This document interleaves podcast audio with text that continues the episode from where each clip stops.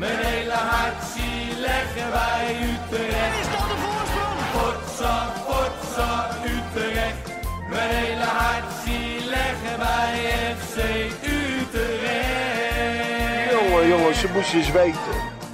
Hallo allemaal, daar eh, zijn we weer met een eh, gloednieuwe aflevering van eh, de Red Podcast. Ja, en ook deze week valt er natuurlijk weer genoeg te bespreken wat betreft FC Utrecht.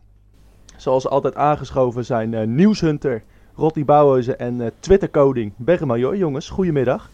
Goedemiddag. Goedemiddag. En eh, nou ja, ook de Red White Podcast profiteert van, het, eh, van de goede resultaten van FC Utrecht. Zo blijkt maar weer, want eh, we hebben vandaag in ons midden een vierde gast. Onder andere bekend van eh, FC Afkikken op, op Fox Sports. Ze noemen hem ook wel eh, de primus inter pares van de podcastwereld. Neil Petersen. Goedemiddag Neil. De wattes?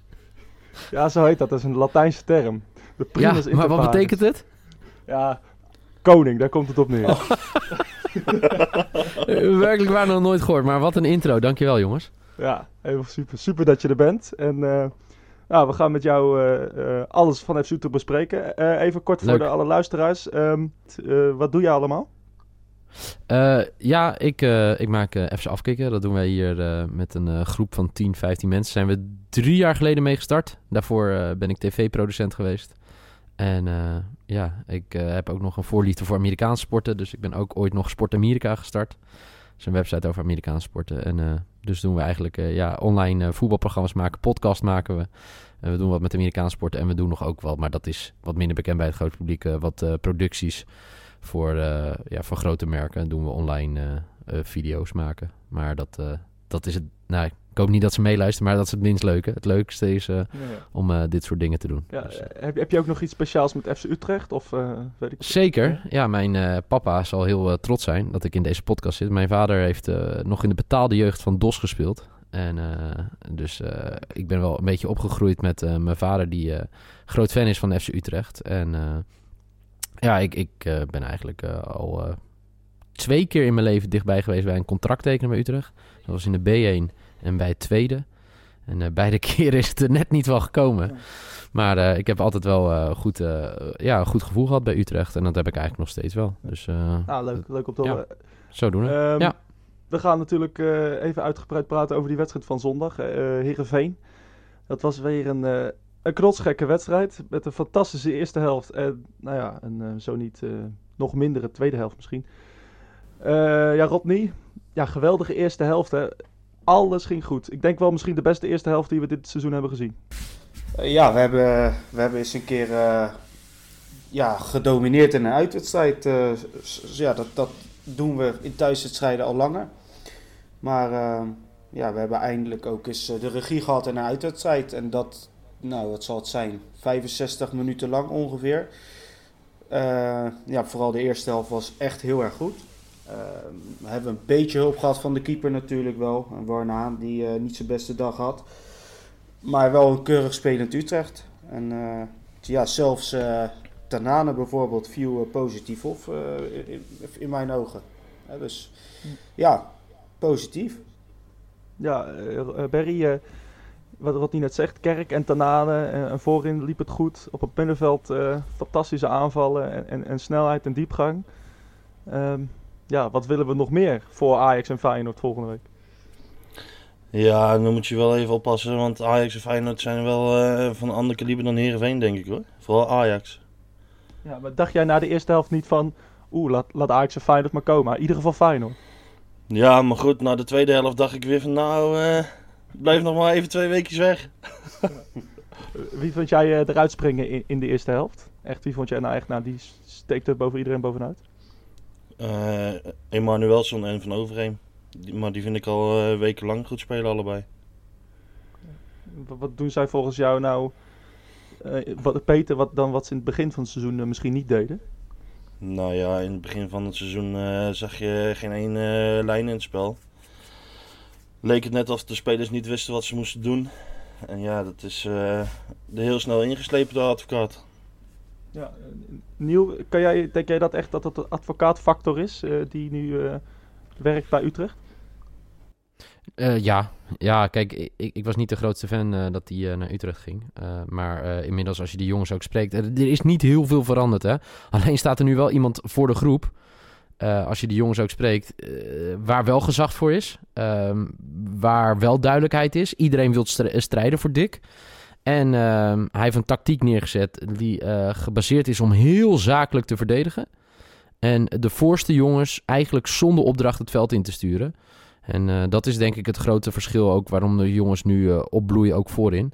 Maar ook dat het een heel makkelijk is voor jongens als Emanuelsen en Van Overheem, wat, wat Barry en Rodney terecht zeggen, dat die jongens gewoon eh, opvallen, is omdat zij heel, heel simpel wat zij moeten doen. Zij moeten gewoon heel simpel voetballen voor die verdediging. Je hebt eigenlijk een, een blok van zes nu hè, bij Utrecht, met die twee ervoor. En eh, ja, ik denk dat daar, eh, daar natuurlijk wel ja, de sleutel tot succes zit. Al moet ik ook wel zeggen dat het wel verbloemt hoor, de resultaten. Want natuurlijk, er zitten een paar goede helften bij. Maar ik heb ook even de resultaten teruggekeken sinds hij erbij is gekomen. Je bent wel ook een paar keer echt goed weggekomen. En nou, dat is dan het voordeel eh, van Dick. Bedoel je dan tegen, tegen Excelsior? Of... Ja, kijk, Excelsior ook. Maar eh, als we helemaal... Want eh, hij begon Feyenoord uit. zeg ik uit mijn hoofd. Ja, Ja, is de wedstrijd, Toch? En toen had je de be- beker MVV. eh, nou, dan eh, tegen NAC thuis. eh, die win je ook wel. want Het, wa- het was allemaal niet goed. Utrecht AZ was echt een duidelijke overwinning voor AZ.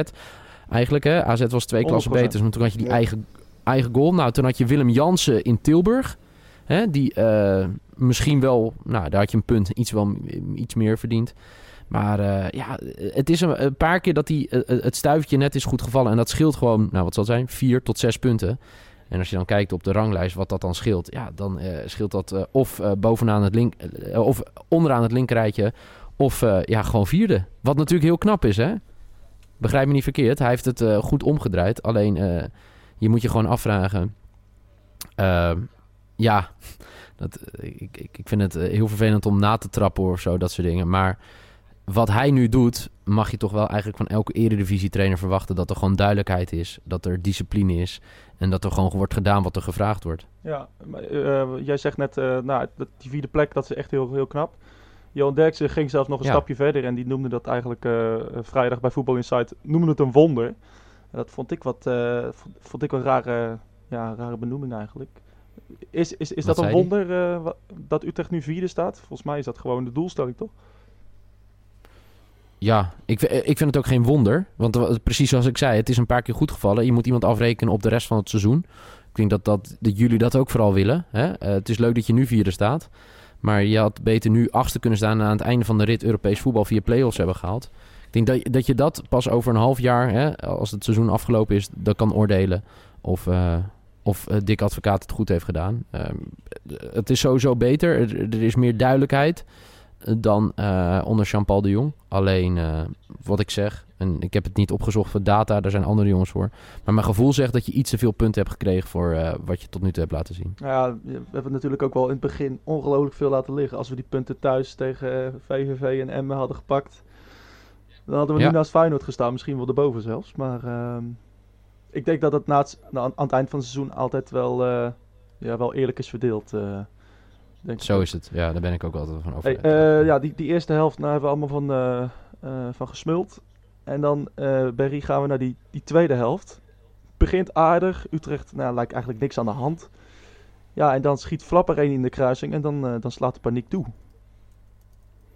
Ja, ik eh, zei het eh, voordat we gingen opnemen al. Ik eh, had het er met iemand over zondag. En eh, toen zei ik van, nou, ik hoop dat eh, Utrecht eh, een keer doorgaat met wat ze aan het doen zijn in de eerste helft en niet achteruit gaan lopen. Nou ja, en dat gebeurde vanaf de 65e minuut ongeveer. Nou ja, en dan gaat het nog bijna mis. Ja. Het is toch weer typisch Utrecht, hè? Nooit een wedstrijd achterover kunnen leunen.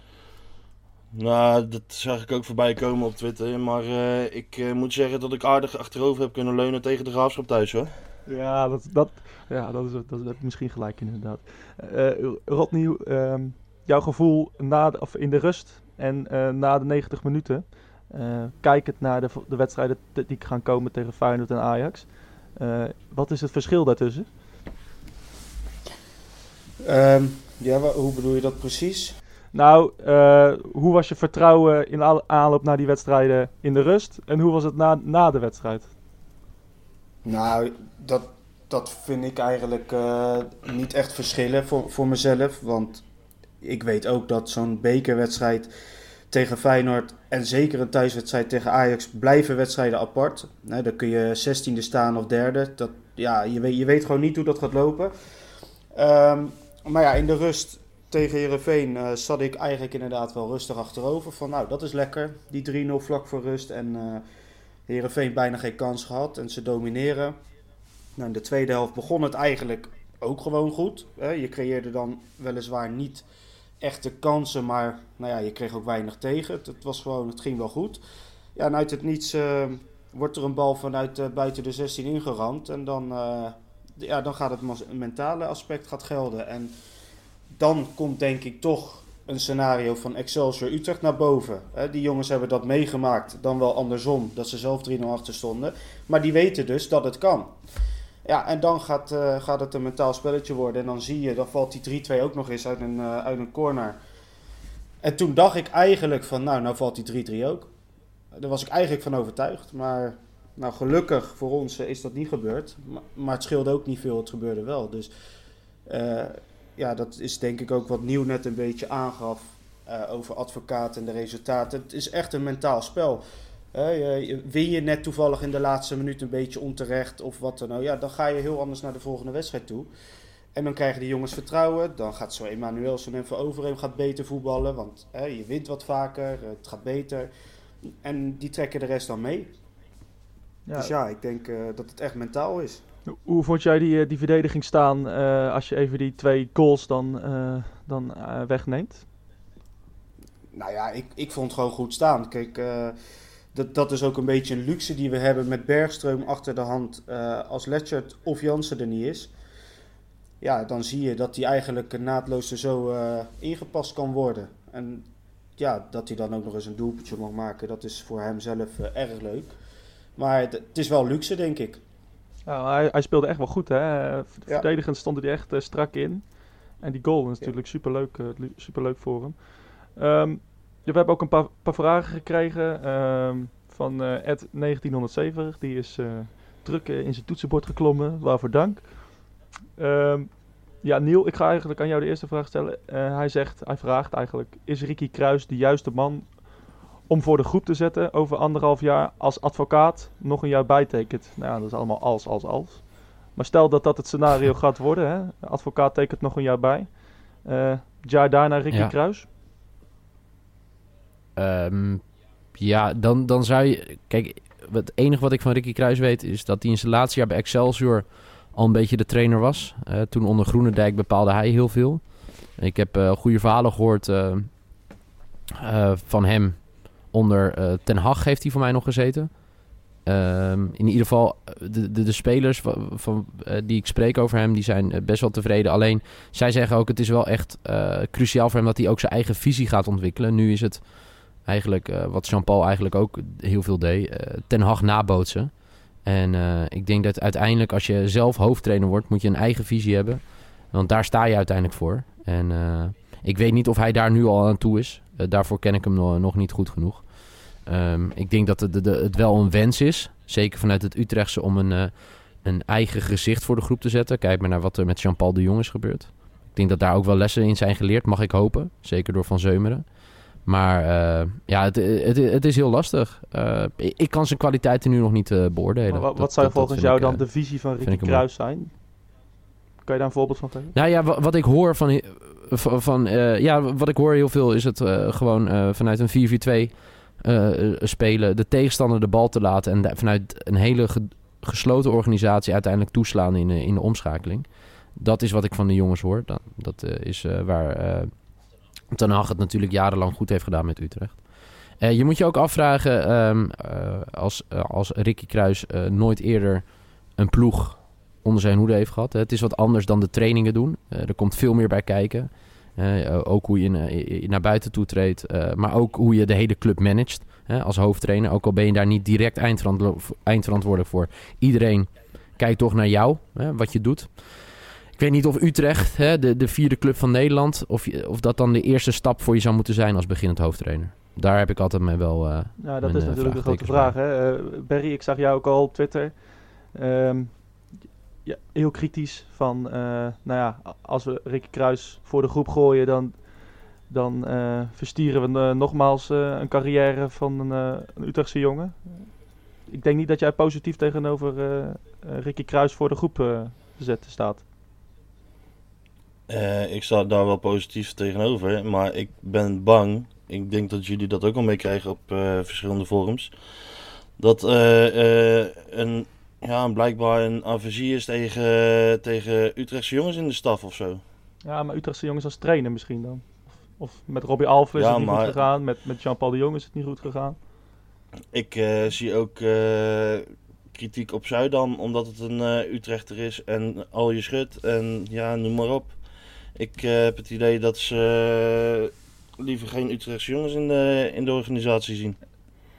Maar wie, wie wil dat dan niet? Ja, dat, dat, zijn, eh, dat zijn mensen op, eh, ik weet niet of je de website kent, als Utrecht.net.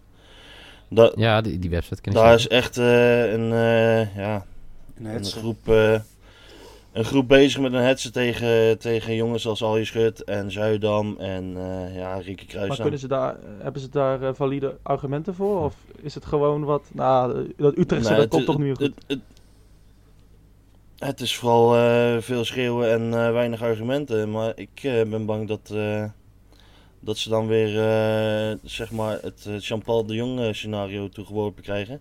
En dat ze dan eh, kunnen zeggen van eh, ja, zie je. Ja. Ik, ik, ik denk dat het gaat om kwaliteit. En ik denk het ook. En eh, voor mij heeft Zuidam het eh, de laatste jaren gewoon eh, prima gedaan. in zijn functie. Kijk, Jean-Paul de Jong heeft gewoon niet goed uitgewerkt. Maar ik denk niet dat je dat één op één kan kopie- kopiëren bijvoorbeeld op Ricky Kruis. Ik denk, dat het, ik denk dat het alleen wel een hele lastige baan is. Eh, zeker omdat het Utrecht publiek terecht heel kritisch is. En ehm, in die zin moet je wel oppassen, zeker. Je, je, je ziet het nu ook met Jean-Paul de Jong. Ja, wat gaat zijn volgende stap worden? Eh, zijn gedroomde club om hoofdtrainer te worden. Nou, dat heeft niet lang geduurd. Maar je ziet het bijvoorbeeld ook eh, bij, eh, bij mensen als eh, Mario Been. Waar het ooit, ooit moest hij het en zou hij het worden, trainer van, eh, van Feyenoord. Iedereen stond erachter, alle fans.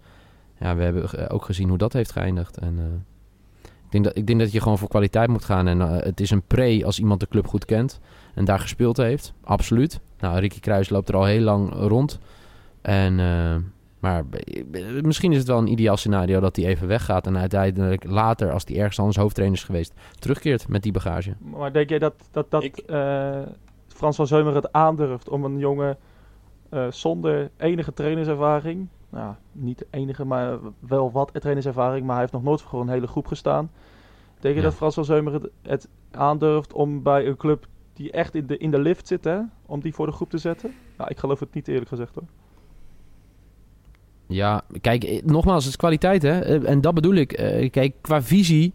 ehm, hij heeft nu heel duidelijk geroepen, in ieder geval toen Dick Advocaat kwam... het is een tussenpauze, hè. We willen straks iemand die... eh, want dat wil ik nog wel even gemaakt hebben. Iedereen binnen de groep is hartstikke blij met Dick Advocaat. Maar iedereen zegt ook, we worden er zelf geen betere voetballers van. Want het enige wat we nu doen zijn partijtjes. Hè. Krachttraining was weer afgeschaft. Eh, nou, dat is nu op eh, voorspraak van de jongens. doen heel veel jongens dit nu weer wel.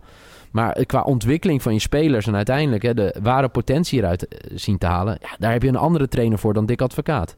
Dick Advocaat is er gewoon voor de korte termijn, resultaat boeken. Maar als je uiteindelijk verder wil komen als club, en ik denk dat FC Utrecht dat graag wil, ja, dan moet je een andere trainer hebben. En denk niet het in die zin uitmaakt eh, of het een jongen is van de, eh, weet je, zeg maar van, van, van de club die jarenlang heeft gespeeld. Of dat het iemand is die van buitenaf komt. Maar zo zie ik het. Hè. Jullie, jullie zitten daar misschien anders in. Eh, Ro- Rod Nieuw, hoe kijk jij er tegenaan, tegen die uitspraak van Niel? Van, nou, advocaat maakt de spelers niet beter. Het is een tussenpauze. Ehm, ben je het daarmee eens? Eh, nou ja, tussenpauze wel, want dat, dat wisten we ook. En dat hebben wij zelf ook aangegeven bij zijn aanstelling. En eh, ja, nu de resultaten heel positief zijn, wordt er natuurlijk geroepen van we moeten verder met hem. Ja, zo, zo, is de simpele gedachte van een, eh, van een voetbalsupporter. Zo simpel is het. Ehm, ja, maakt spelers niet beter. Ja, hij maakt ze nu in ieder geval beter door ze op de juiste manier te gebruiken. Maar eh, wat, wat Nieuw ook zegt en bedoelt, is dat ze eh, in potentie niet beter worden. Ze worden beter nu gebruikt en daardoor ziet het er ook beter uit. Maar ja, ik, ik denk wel dat uh, Utrecht is natuurlijk een club wat jeugd wil doorstromen. De jeugdopleiding is heel belangrijk. Um, die gaan de kans krijgen. Die gaan uiteindelijk ook um, een waarde krijgen. Dus, dus geld opleveren bij een transfer. Dat hebben we natuurlijk al gezien bij Amrabat, Ramselaar, noem maar op. Uh, ja, en, en, dat stokt een beetje met Dick Advocaat wel. Want die gebruikt het liefst geen jeugd. En ja, dan, dan gaat je beleid en dan de hoofdtrainer niet geheel samen. Dus wat dat betreft een tussenoplossing met goede resultaten. Uh, wat ons dit seizoen dus hopelijk uh, gaat redden. Ja, en daarna ja, zul je dan toch inderdaad uh, wellicht naar een ander moeten kijken. Ja, ik wil toch nog even terugkomen op dat, op dat spelers beter maken. Hè. Ik, ik, ik, weet niet of ik daar helemaal mee eens ben. Want ik zie bijvoorbeeld Kerk, dat is dan één voorbeeld.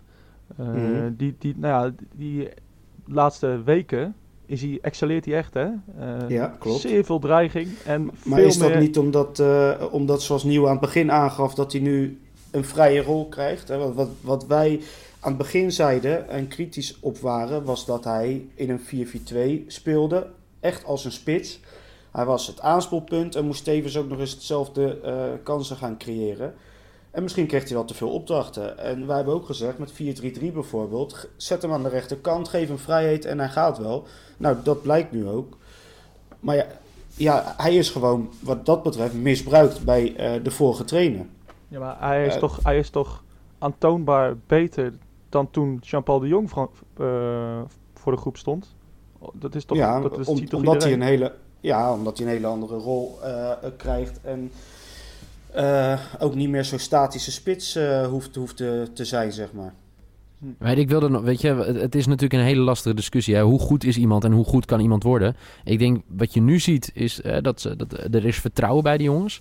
Maar als je nou echt dagelijks aan de slag gaat, bijvoorbeeld met een jongen als Kerk, hè? dus dat je echt een trainer hebt die spelers beter maakt. Dan ben ik dus benieuwd waar zijn echte plafond ligt. En ik denk dat dat onder advocaat nu absoluut geen focus op ligt. Uh, uh, zeg maar om Kerk als persoon, hè, als, perso als voetballer verder te ontwikkelen. Nee, voor advocaat geldt nu, we moeten resultaat boeken. Daar, daar focussen we ons op. Maar de persoonlijke ontwikkeling van spelers, daar houdt hij zich niet mee bezig.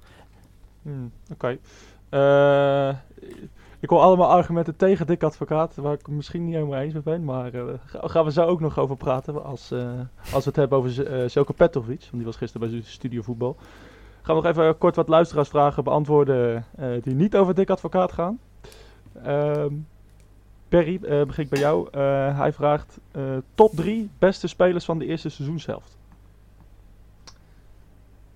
Brand maar los. Uh, ja, voor mij persoonlijk zijn dat Van Overheem, uh, Willem Jansen en ik denk Emmanuelson. Dat zijn de drie die eruit springen voor mij. Nou, ik, ik hoor geen, geen Kerk, ik hoor geen Letchet. Nee, maar goed. Uh, die je mag begon... er ook maar drie noemen. ja, ja, dat is waar. nee, maar die, uh, ja, die springen er voor mij echt wekelijks uit met z'n drieën. Ja, uh, Rodney, Emile Welson, laatste wedstrijden echt, echt smaakmaker, ja. hè? Maar eerste seizoen nou, ja, ik zou, uh, ik had van Overeem Jans had ik ook sowieso in gedachten. Uh, maar om dan elke linie maar af te gaan, dan zou ik inderdaad toch uh, ook, ook toch Kerk kiezen. Want die is toch wel redelijk beslissend al weken, zo niet maandenlang. En ja, dan, dat zou ik uit elke linie erin pakken. Nou, Jansen vind ik gewoon heel stabiel. Doet gewoon zijn ding. Heeft één of twee, misschien wat mindere wedstrijden gehad, maar voor de rest gewoon erg goed. Van Overeem vind ik het hele seizoen al eigenlijk best wel positief opvallen. En Kerk, nou ja, dat hebben we net besproken. Ja, van Overeem over spelers beter maken gesproken. Hè? Dat, Ongelooflijk. Niel, even over Van Overheem. Uh, hoe ja. kan jij, of hoe kan je van een aanvallende middenvelder een verdedigende middenvelder maken? Hoe, hoe denk je dat dat is gegaan met Dick Advocaat? Nou, ik, uh, het grappige is, ik ken Joris heel goed. En ik weet dat op een gegeven moment bij Utrecht, uh, of bij AZ kwam Mietje erbij. En uh, toen werd Joris een beetje de kind van de rekening. Toen heeft Joris ook aangegeven, ik heb vaker controlerende middenvelder bij AZ gespeeld. In het eerste jaar dat hij terugkwam van Dordrecht, toen was hij verhuurd. En hij zegt, daar kan ik prima voetballen, want dan kan ik de ballen, weet je, ik wil liever het spel voor me hebben dan dat ik het in mijn rug heb. En dat laat hij nu ook zien. En uh, ja, eh, hoe, hoe dat nu eh, zo gaat. Eh, het is de voetballerij en dat klinkt heel stom. En dat heb ik vaak met voetballers over. Soms probeert een trainer wat uit. En dan, eh, dan blijkt het opeens een gouden fonds. Nou, bij Joris is dat al eerder dus zo gebleken dat hij daar best kan voetballen. Eh, ik denk bij Joris heel, heel belangrijk is dat je hem vertrouwen geeft. Ehm Joris' vertrouwen was aan het begin van het seizoen voor mij redelijk gebroken... toen hij de eerste wedstrijd uit bij PSV gelijk op de bank zat. Eh, terwijl eh, ja, dat natuurlijk niet het verhaal is waar hij mee naar Utrecht eh, was gehaald. Eh, uiteindelijk onder advocaat heeft de advocaat het vrij snel duidelijk gemaakt... dat het een van de belangrijkste pijlers is binnen het team. En dan is Joris gewoon een zeer goede middenvelder voor de Eredivisie. Ja, we zagen hem afgelopen vrijdag voor de camera van Fox ook. Hè? Ja, een, van de, een van de smaakmakers, een van de sterkhouders van, van Utrecht dit, deze eerste seizoen zelf. Ehm, We hadden het ook onder andere over Van der Brom. En, eh, en Utrecht 1970 die vraagt daar ook naar. Eh, van der Brom misschien in de zomer halen. Hij, hij gaf toen antwoord van... Ja, ik zou het eigenlijk helemaal niet erg vinden. Terwijl de, ten, de tendens is eigenlijk eh, nou ja, Van Overheem en Van der Brom. Ja, dat gaat niet samen. Hoe kijk jij daarnaar? Ja, nee, ja, eens. Eh, dan- ik, ik, maar je moet... voetballers die iets voor de camera zeggen... moet je niet altijd, altijd heel te waar, serieus nemen, hè? Hij kan moeilijk zeggen... ja, eh, dankzij die man eh beland ik altijd op de bank. Nee, ik denk dat... ehm, wij hebben hier bij SV Afkikken best wel vaak een discussie gehad over Van Brom. Is dat nou een goede trainer, ja of nee? Want nu wordt er ook altijd de credits gegeven... bijvoorbeeld aan Arne Slot bij AZ. Maar ehm, als je kijkt naar zijn carrière en wat hij daar behaald heeft... En hoe hij dat ook doet, hij doet het wel. Hij flikt het overal. Is het bij Vitesse, is het bij ADO, is het bij Anderlecht, eh, bij AZ de afgelopen jaren. Eh, het is denk ik een people manager. Dus iemand die echt eh, eindverantwoordelijk kan zijn. Maar als hij goede assistenten heeft, nou, daar hebben we het net over gehad bijvoorbeeld. Hè, een Ricky Kruis, misschien een goede veldtrainer. Dan zou dat misschien een hele goede mix kunnen zijn. Het is wel iemand die ervoor zorgt dat de groep bij elkaar Ja, maar je blijft. zegt ook onder andere En, dat, dat Arne Slot soms ook de credits krijgt vanwege het goede spel. Nou, die kan hij dus niet, niet meenemen, want die wordt, die wordt daar hoofdtrainer. nee, dat, dat zou raar Dus, zijn. Ja. eh, Ja, was mijn optie geweest hè, voor Utrecht trouwens. eh, toen eh, Jean-Paul de Jong eruit ging. Die had ik graag bij Utrecht gezien. Maar goed. ja, ja, en Van der Brom, ja, geen idee. I- Ik denk dat het heel lastig wordt. Gezien de er- ervaringen en de verhalen die ik ken van advocaat. Als advocaat zo doorgaat. En dan wordt het heel moeilijk om van hem af te komen, zeg maar. ja maar is, dat, is dat een probleem? Nogmaals. Ja, kijk. Ik, ik ben niet. Kijk, eh, want dat moet ik misschien ook wel eh, nu even, even rechtzetten. Ik vind het namelijk heel goed wat nu eh, advocaat doet. Want hij wint. En daar draait het uiteindelijk om hè, in de voetbal. Alleen ik ben echt iemand. dat probeer ik ook met afkicken. Ik ben iemand van lange termijn. Bouwen, rustig aandoen. mensen laten ontwikkelen. Ja, dat gaat gewoon niet gebeuren onder advocaat. Dat kan je zien in zijn tijd bij PSV. Dat kan je zien bij Venerbatje. Dat kan je nu zien vorig jaar bij Sparta. Daar is geen tijd voor mensen in te passen en te bouwen aan een lange termijn. Hij wil nu resultaat, dus hij gaat kijken wie er nu beschikbaar is. En dat probeerde ik net uit te leggen. Er kunnen ze nu spelers zijn die nu beter zijn dan andere jongens. Maar als je die andere jongens meer aandacht geeft en daarmee gaat trainen, dat die in potentie beter zijn dan de jongens die nu voetballen. Ja, ja, oké. En, dat, dat, en ik denk dat dat altijd bij een club als Utrecht, maar ook bij AZ, eh, eh, altijd eh, van cruciaal belang is. Want je bent gebaat bij jongens beter maken, verkopen, waardoor je weer geld kan steken in je jeugdopleiding. Of jongens uit de eh keukenkampioen-divisie kan halen en zo weer verder Ja, ontwikkelen. dus jij denkt, nou, stel advocaat die tekent bij, dan, dan worden jongens als, als Venema, eh Boussaïd, Avelana, als een Brinkman, die worden dan kind van de rekening. Eh, het zou heel grappig zijn als dan volgend jaar advocaat blijft en Nick Venema de eerste spits wordt en dat er 25 inschiet. Want dan hebben jullie dit, kunnen jullie dit wekelijks laten horen. Maar als Ja. ik gezien de geschiedenis van advocaat zou ik ja zeggen. Ja. Ehm, we gaan weer naar advocaat, terwijl we helemaal niet over advocaat willen praten. Eh Rodney, even snel nog een, een vraagje eh, van Utrecht 1970. Eh, gaat over Baabek, dit keer. Hij zat op de bank hè, tegen Heerenveen. Eh denk je dat hij eh, Ja. deze week eh, minuten gaat maken? Zowel misschien tegen Feyenoord als tegen Ajax? Nee. Dat Denk is een niet. kort antwoord. En, en dat, zou, ja, dat, zou, dat zou ik ook vreemd vinden. Want eh, hij heeft nog geen minuut gespeeld dit seizoen. Buiten de oefenwedstrijd waarin hij wel een keer meedeed. En weer geblesseerd raakte. Eh, het elftal draait nu. Ehm, ze, hebben, ze, ze zijn nu aan elkaar gewend. Eh, de resultaten zijn goed. Nou ja, ik zie geen enkele reden om hem nu in te gaan passen. Ik zou ook zeker gezien zijn lange blessureleed heel rustig aan met hem doen. En zijn eventuele rentree pas over de winterstop tillen. En wat hij wel goed doet, denk ik, is dat hij hem meeneemt naar die wedstrijden. Hè, zoals in Herenveen. Hij laat ze in ieder geval vast bij de jongens zijn. Hij laat ze uh, meetrainen, uh, meegaan met de jongens. Dat, dat is goed. Het gevoel krijgen. En dan na de winterstop ja, dan uh, zal hij misschien uh, wel zijn kansen gaan krijgen. Want advocaat is wel echt lyrisch over hem. Hij noemt hem volgens mij zelfs zijn enige echte centrumspits. Als ik het. Uh, ja. Goed, ja, dat vind ik dan wel weer een beetje pijnlijk tegenover wat anderen die er lopen. Maar oké, okay, ja. ja, ja. Ik, ik hoor nieuw zelfs daar kostelijk om lachen. Ja, ik citeerde slechts. Nee, maar ik, ik vind ja, het juist heel mooi dat hij dat zegt. En ik denk dat er geen club is in de Eredivisie met zoveel centrumspitsen.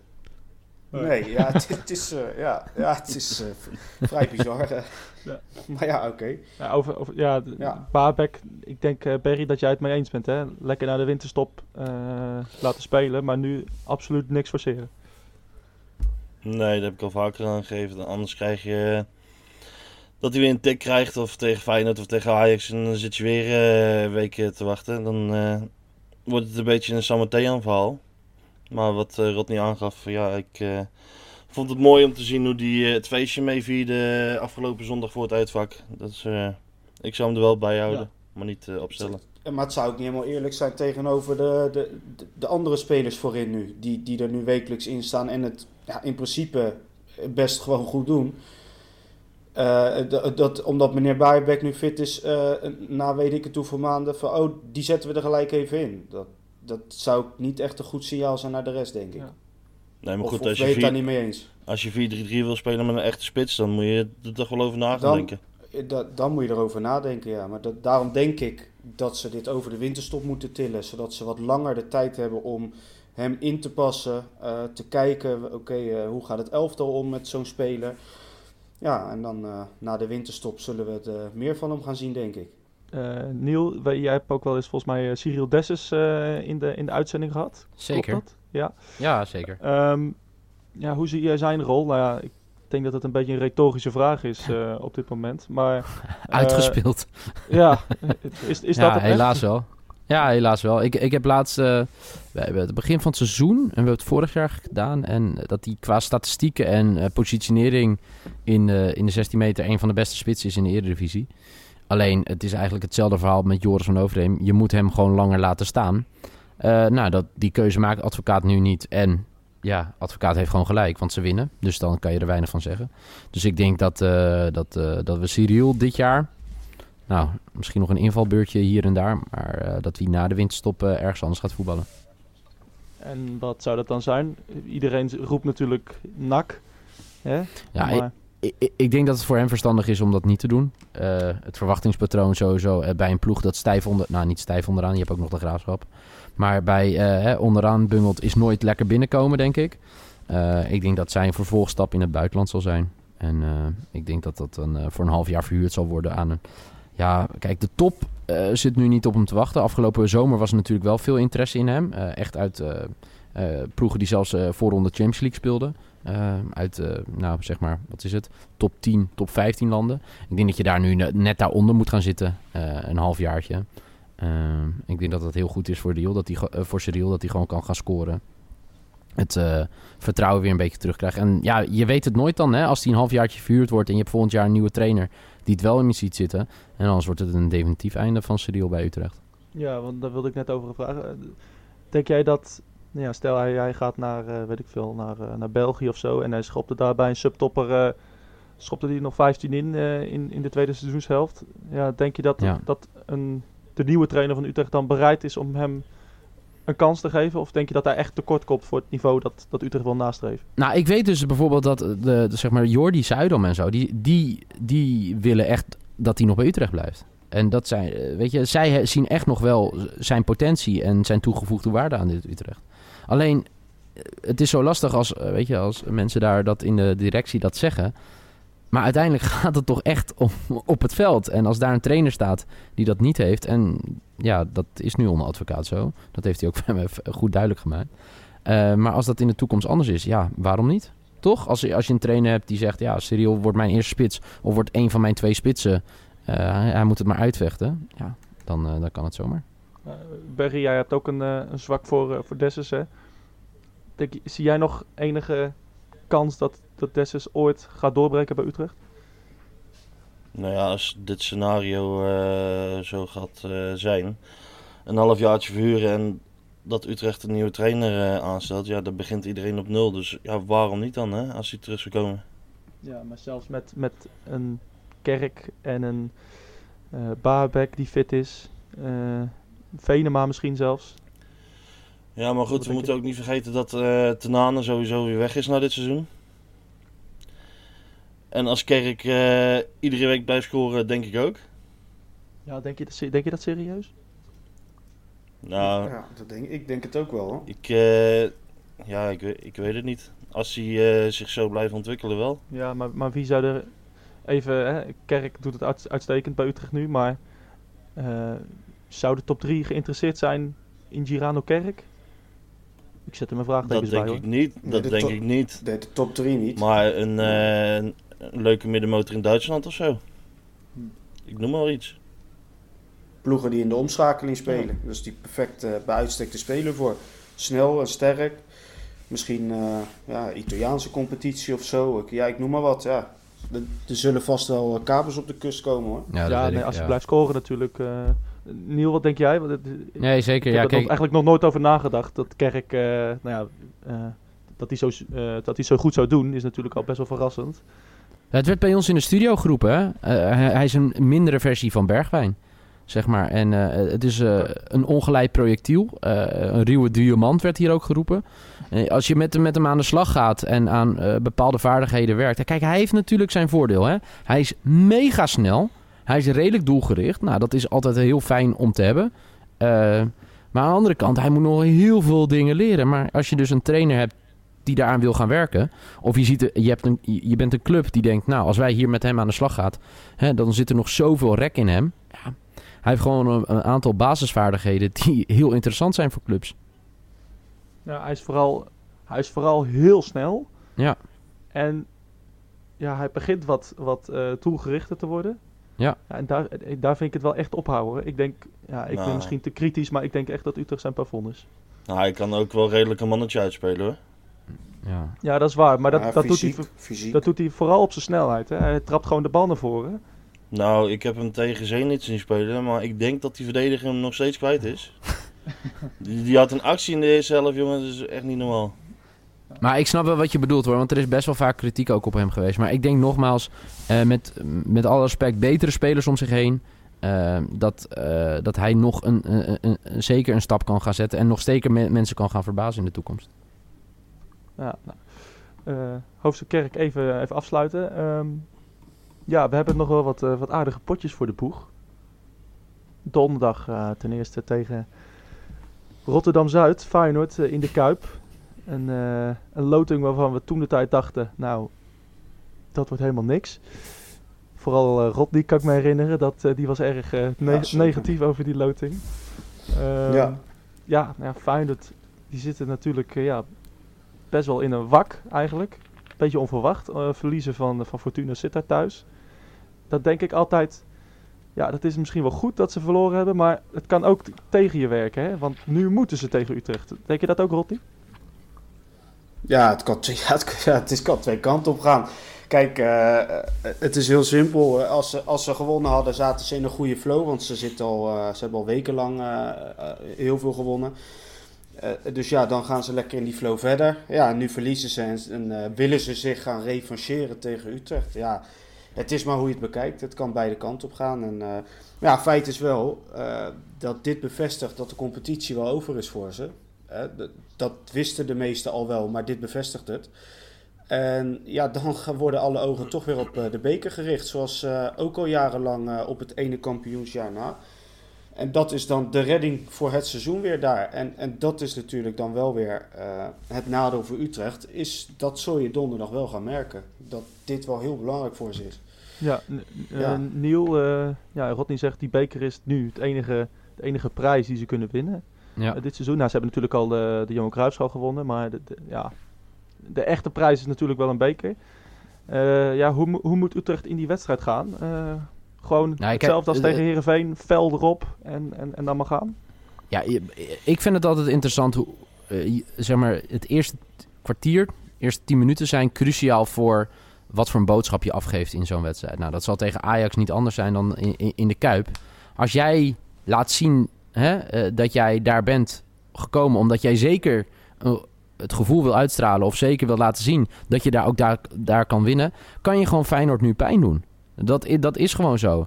Als jij daarheen heen gaat om tegen te houden, tegen te houden, tegen te houden, ja, dan denk ik zeker op een, eh, een bekeravondje, hè, een eh, donderdagavond, een volle kuip, dat je uiteindelijk eh, daar niet gaat winnen. Ik denk dat je vanaf het, moment, van het eerste moment eh, duidelijk moet laten zien. dat kan zijn in de duels. ehm, hè, dat je gelijk laat zien dat je er bent. Dat zal zondag nog veel meer eh, moeten tegen Ajax. Maar eh, ik, ik, ik, voorzie, ik voorzie wel een mooie avond. Zeker Feyenoord tegen Fortuna gezien. Ehm, Fortuna wat goed georganiseerd was en ook wel een paar keer goed weg kan hoor. Kijk, je moet ook wel gewoon geluk hebben, want Feyenoord heeft een betere selectie dan Utrecht. Maar als je, en dat vond ik vroeger heel mooi altijd bij Utrecht te zien. Eh, dan gaan we echt eh, terug in de tijd. Maar bijvoorbeeld het jaar dat ze de beker wonnen en in de Kuip Feyenoord, wat was het, 4-1 versloegen Ja, in de eigen. Kuip. Klusevic Da-. Ja. Ja, zo'n gevoel had je toen al bij die wedstrijd. eh, de eerste paar minuten of zo van dit, dit, dit is gelijkwaardig. En op het moment dat het gelijkwaardig is, kan het alle kanten opgaan.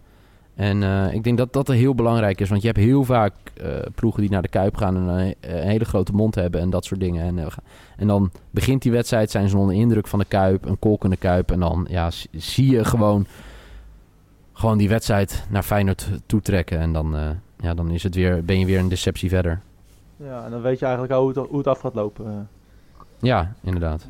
Eh, Berry, eh, denk jij dat, eh, vind jij dat Nieuw gelijk heeft? Hè? Eerste 10 minuten zijn cruciaal.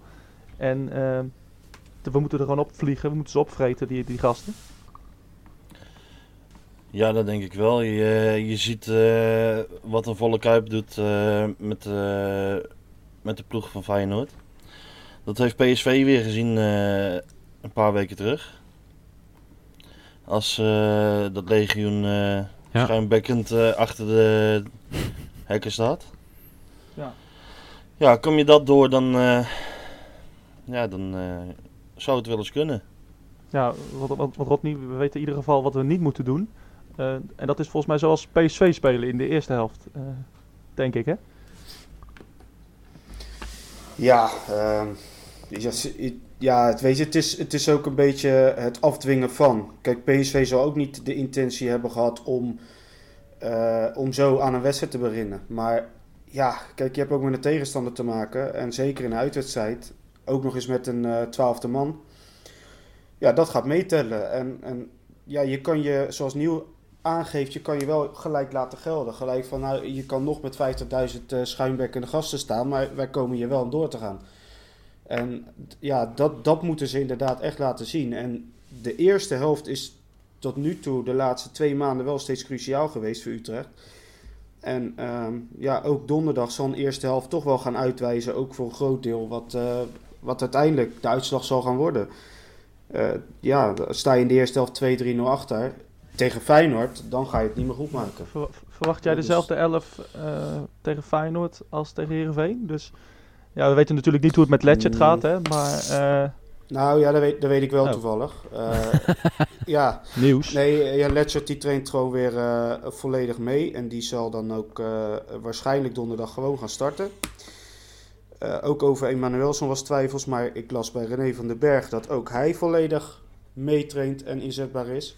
Dus ik verwacht wat dat betreft weinig wijzigingen, maar wel dat Letchert ten opzichte van Bergström terugkeert in de Ja, basis. eh, we zagen eh, in de tweede helft tegen Heerenveen dat, eh, dat Van der Marel erbij kwam. Hè? Eh, een soort 5-3-2, wat we ook al eens hier hebben besproken. Is dat geen optie voor, voor tegen Feyenoord, denk je? Ik zou niet met vijf verdedigers gaan spelen tegen Feyenoord. Nee, want dan ga je dus het scenario schetsen wat nieuw zegt. Dan ga je dus eh, de wedstrijd in om tegen te houden. En dat kan Utrecht niet. Zo Ja, simpel zelfs met, zelfs niet met en Kerk eh, die, die, diep, die Nee. diepgang hebben? Nee, moet je, nee, moet je gewoon niet doen. Nee, het gaat, het gaat nu goed op de manier eh, wat ze spelen. Ze zijn het nu ook gewend. Eh, ze zijn ingespeeld met, met deze speelwijze. Laten we dan niet weer gaan aanpassen aan, aan een tegenstander en weer gekke dingen doen. Want dan gaan die gasten toch weer nadenken. Dat, zijn ze weer niet gewend. Kijk, wat je wel, wat waar ik wel mee eens ben, wat jij noemt van de Marel.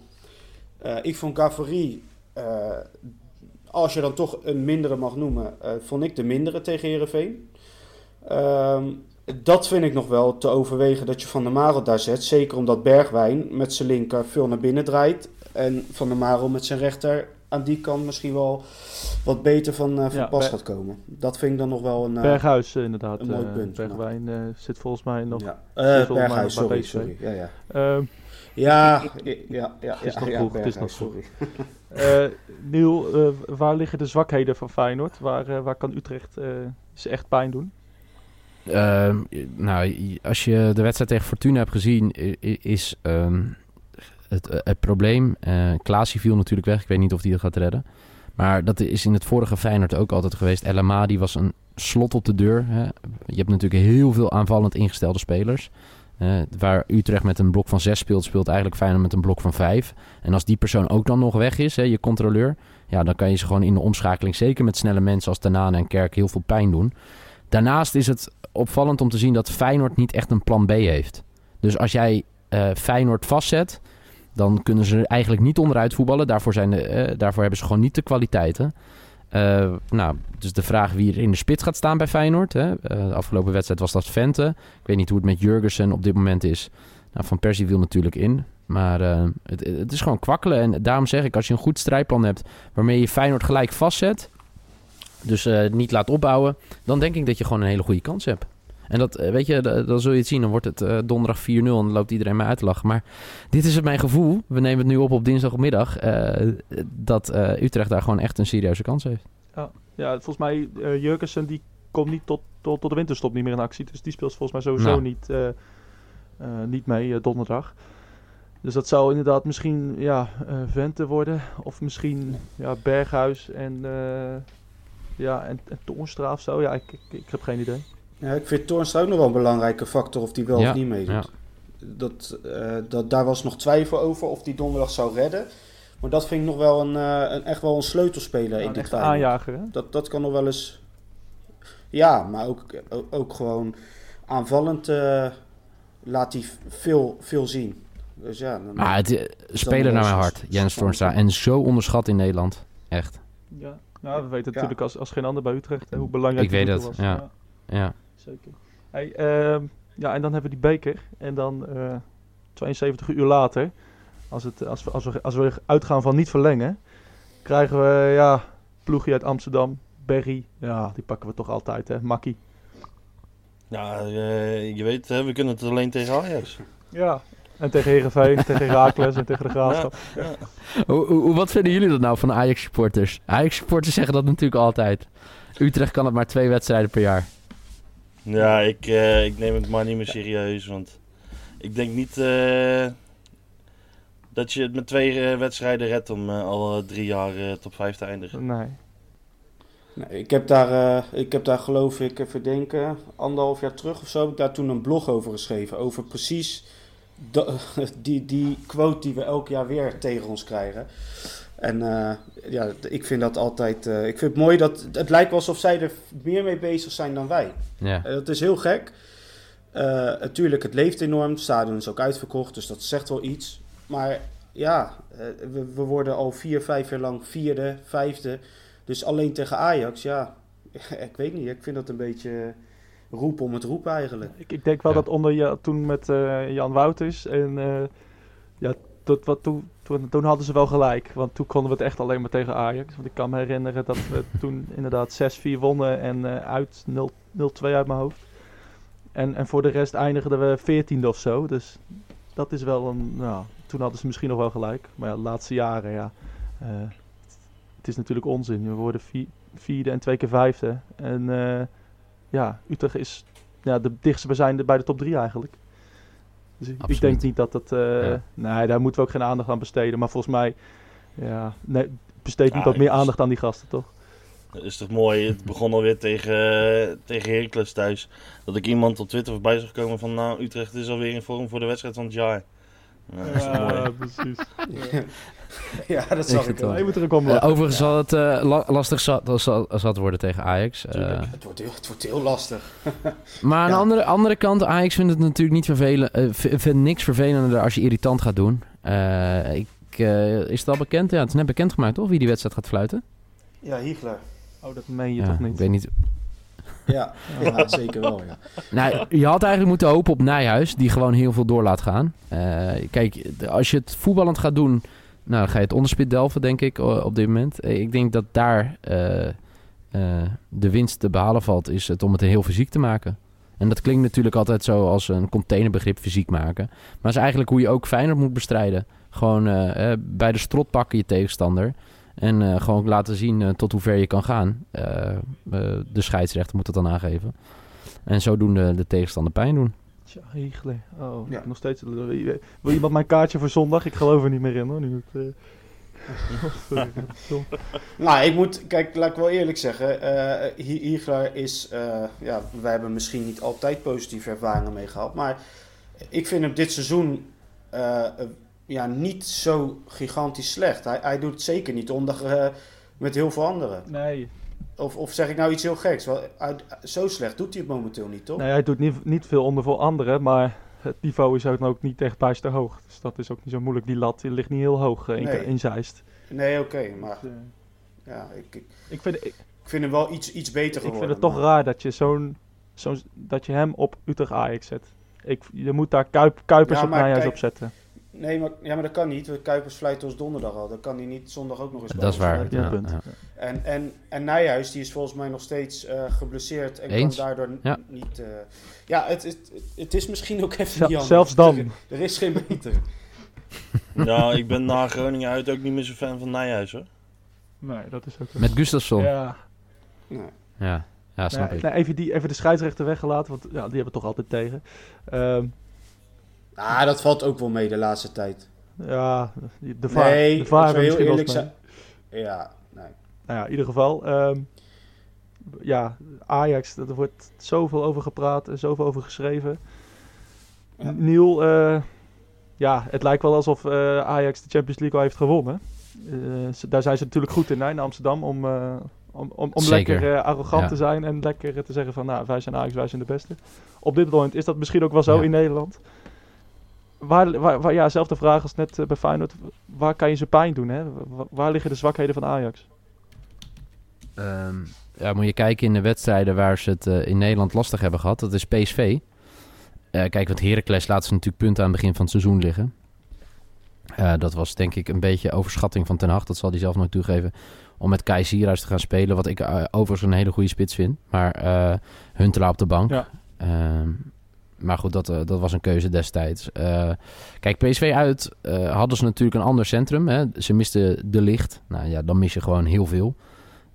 Dat, dat zou elke ploeg voelen. Maar wat PSV gewoon heel de- goed deed, is echt er bovenop zitten. Dus hè, zij speelden heel opportunistisch dan PSV. Snel de lange bal op de Jong. Maar vooral die bal die erachter viel, die tweede bal, die was telkens voor PSV. Kijk, Utrecht speelt zo niet. Maar toch denk ik dat je op het middenveld... Misschien kan hij daar nog wel een aanpassing in doen. Door nog een, eh, een, eh, een iets mindere voetballer, oh, eh, een voetballer eraf te halen. En daar misschien toch een iets meer eh fysieke middenvelder op te stellen. Om het toch wel daarop te gooien. Het middenveld heel, heel druk maken. dat ze heel moeilijk aan het voetballen ko- toekomen. Welke, op, welke opties dan, voorzie je dan daarvoor? Want ik zit dan misschien te denken aan, Ja. Van de Streek op middenveld. Maar ik, ik, Ja, wat, wat Rodney ook zegt, ja, zou je nu wel met deze vorm eh, mensen eruit gaan halen? Is dat, is dat slim? Nou ja, ik denk dat als jij eh, in wedstrijden speelt tegen ploegen. Ik denk dus eigenlijk van, eh, ja, wat is het? 15 tegenstanders, nee. PSV en Ajax, ja. Ik denk dat het geen probleem is om je aan te passen. En dat hoeft niet dat je met één spits gaat spelen of iets. Maar eh, ja, je zou misschien. eh, ik zit even te kijken wie er zaterdag op de. of eh, afgelopen zondag op de bank zaten. Wat je.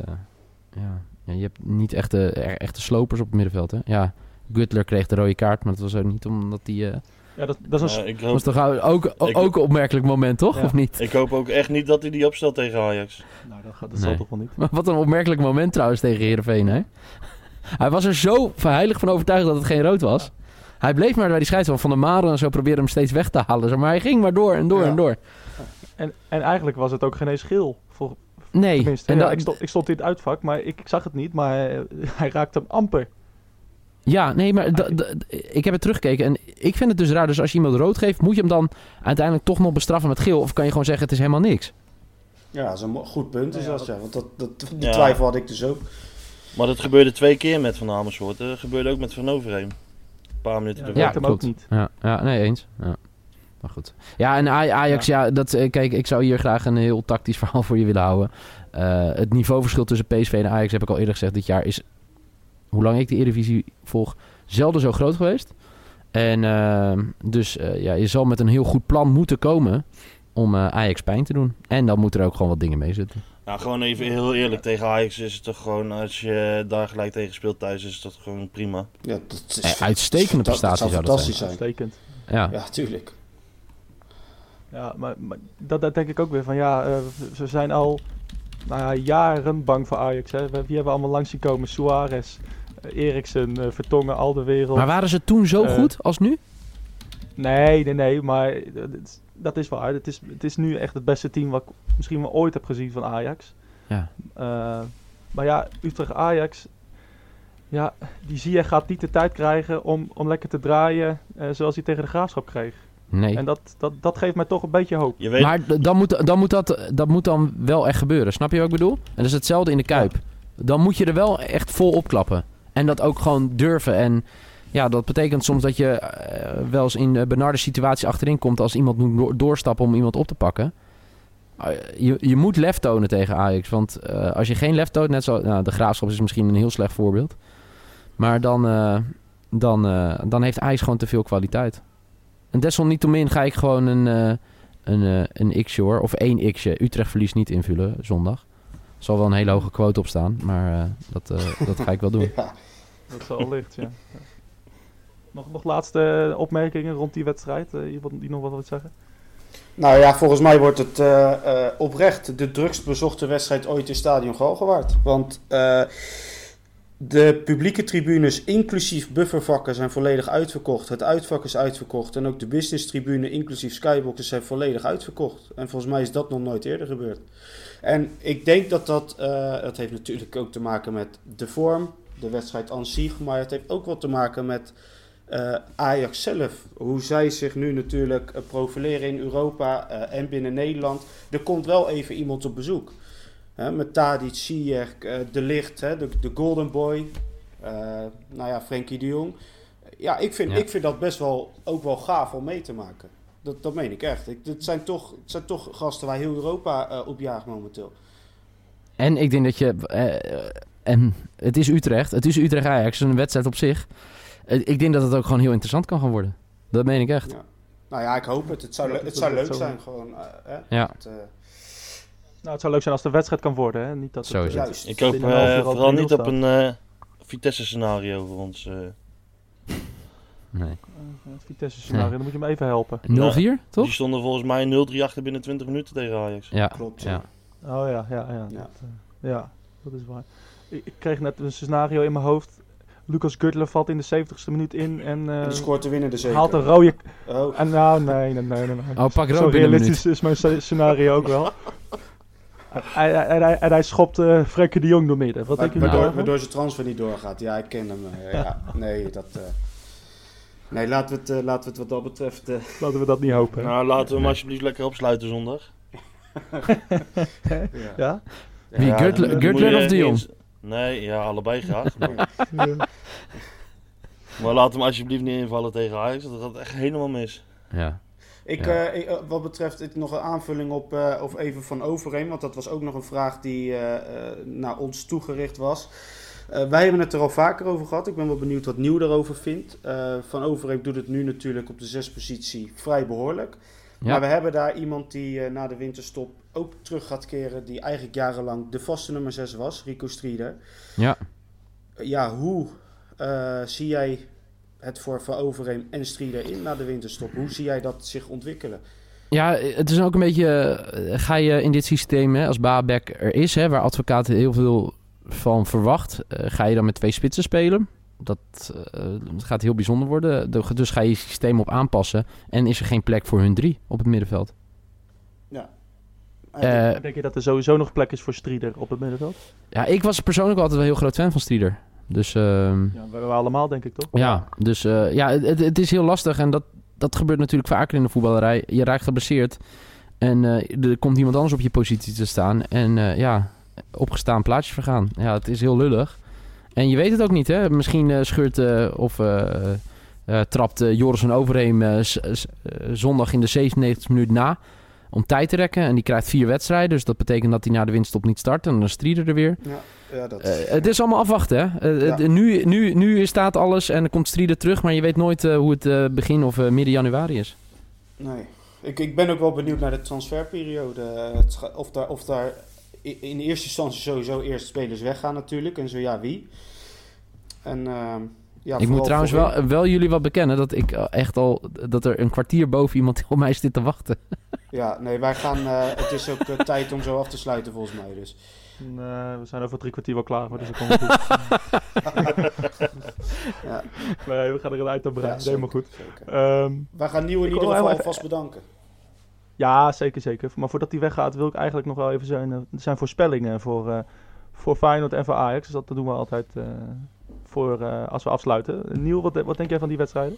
Utrecht beker door en eh, Ajax wint niet in de Galgenwaard. Wat een, wat een, dat zou toch wat zijn, hè? Jongen, jongen. Nou, Ja. dan ga ik, ik, ga, ik ga voor hetzelfde. Rodney, wat denk jij? Nou ja, ik ga ook voor hetzelfde. Maar ja, ik ga maar geen uitslag noemen. dat, dat, Nee, ik ook niet. Dat is Nee. niet te doen. Nee, dat is echt niet te doen. Nee, Be- Berry, eh, jij nog? Je dingen? Nou, ik hoop dat we doorbekeren. Ja, En we eh, ja, een gelijkspelletje tegen Ajax zou heel mooi zijn. D- Dus hij sluit zich aan bij ons. Zeker. Inderdaad. nou, we kunnen hem ook administratief afdoen, Ja. toch? Eh, lijkt me. Ja. Het, eh, Oké. we zijn het allemaal eens. Hey, eh, Niel, eh, even snel nog. ehm, wat kunnen we de komende weken eh, verwachten van, eh, van jou, van FC Afkikken, van andere podcast? Eh, nou, we hebben vandaag eh, eh, gewoon weer een show. Vrijdag, een, dat is wel een laatste jaar een dingetje. We hebben een kerstshow. Dan alle gasten komen voorbij van het afgelopen jaar. En dan, ja, dan hebben we gewoon een hele lange, lange show. En dat ja, mondt uit in een kerstborrel. En in de winterstop hebben we ja, diverse content waar we terugblikken op 2018 en vooruitblikken. We hebben allemaal podcasts die ook terugblikken en vooruitblikken. Dus eh, ja, eigenlijk eh, gaan we gewoon door. Ook al stopt de competitie even, gaan wij gewoon door met qua, qua content. Ik hoor een uitnodiging voor vrijdag. Zeker. Jullie, nou, bij deze. Nou, als je jezelf uitnodigt, dan moet je komen ook. Ja, ik, ik ben vrij vrijdag. Dus wat dat betreft. Nou, bij deze geregeld. Oké, nou top. Ik kom eh, direct vanuit Rotterdam-Zuid, kom ik eh, de Fox Studios. Ga, Ja, maar we doen. zitten gewoon in onze eigen studio, hè? Iedereen denkt dat we bij Fox Nee. zitten, maar dit is gewoon onze eigen studio. Die we al heel lang hebben. Rectificatie, Dus, je komt het meteen naar jullie eigen studio. Het, eh, Ja, ik stuur, ik app jullie zo even het adres en dan zie ik jullie eh, vrijdag. Hartstikke Oh, leuk. Super, super, Gaan we Niel. doen. super, super, Niel. Ehm, ja, helemaal bedankt, Niel. Ehm Rodney, even snel. ehm, waar kunnen we jou volgen op social media? Nog steeds DKNL op, eh, op Twitter. Ja, en eh Barry, voor jou ook spannende tijden natuurlijk. Eh, Twitter-coding van het jaar, hoe, ik weet niet Voetbal hoe dat heet. Twitter uit Staan, 2018. voetbal Twitter uit 2018. Allemaal stemmen op Staan. 030, hè? Eh, hij, je- volgens mij ga je, ik zie allemaal eh, berichten. Nou, jij gaat wel echt wel hoog eindigen, denk ik, hè? Nou, dat zal wel meevallen. Denk je? Nou, het, het zal wel meevallen hoor. Nou ja, ik, ik zie allemaal berichten voorbij komen waar je, waar je in het lijstje staat. Dus eh, ik eh, ga ook nog even stemmen. Ehm, nog even een speciale vermelding. Wel leuk. Eh, vanavond, vijf voor half negen. De slimste mens, Cornel Evers. Jongens, Leuk. Ja, klopt. Rodney, jij, nog wat, eh, jij bent een goede vriend van hem. Ja, ik wist, ik wist al een hele lange tijd dat hij mee zou doen. En, eh, maar hij mocht er echt helemaal niks over zeggen voor de rest. Eh, Nee, dus snap dus ik, ja, nee, ja, leuk. Gewoon kijken. Nee, vijf, vijf voor half negen op eh, NPO 2, denk ik, uit mijn hoofd. Eh, ja, gaan we kijken hoe hij het doet. Volgens mij eh, staat hij in de studio met een Van der Marel shirt. Dus, Ja, eh, klopt, ja. Dat, Ja. dat is wel goed. Ja. Dat is natuurlijk wel prachtig.